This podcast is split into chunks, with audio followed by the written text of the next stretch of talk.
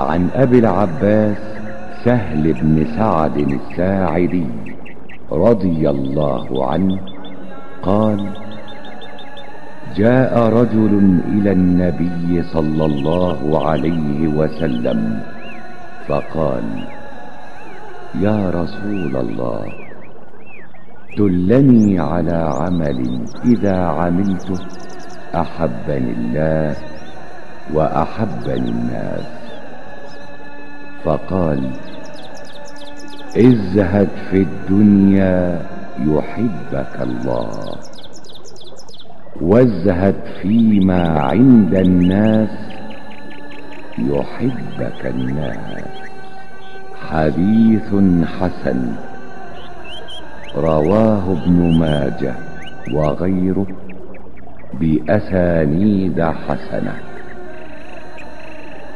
Od Ebu Abbasa, Sehla ibn Sada el Sadija, radi Allahu anhu, prenosi se da je kazao Došao je neki čovjek kod Allahovog poslanika sallallahu alaihi ve sellem i rekao O Allahu poslaniće, ukaži mi na dijelo, pa ako ga budem radio, da me zavoli Allah i da me zavoli ljudi.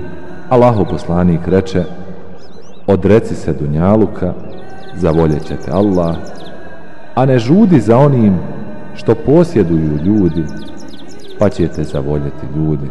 Hadis bilježi Ibn Mađe i drugi sa pouzdanim lancem prenosilaca.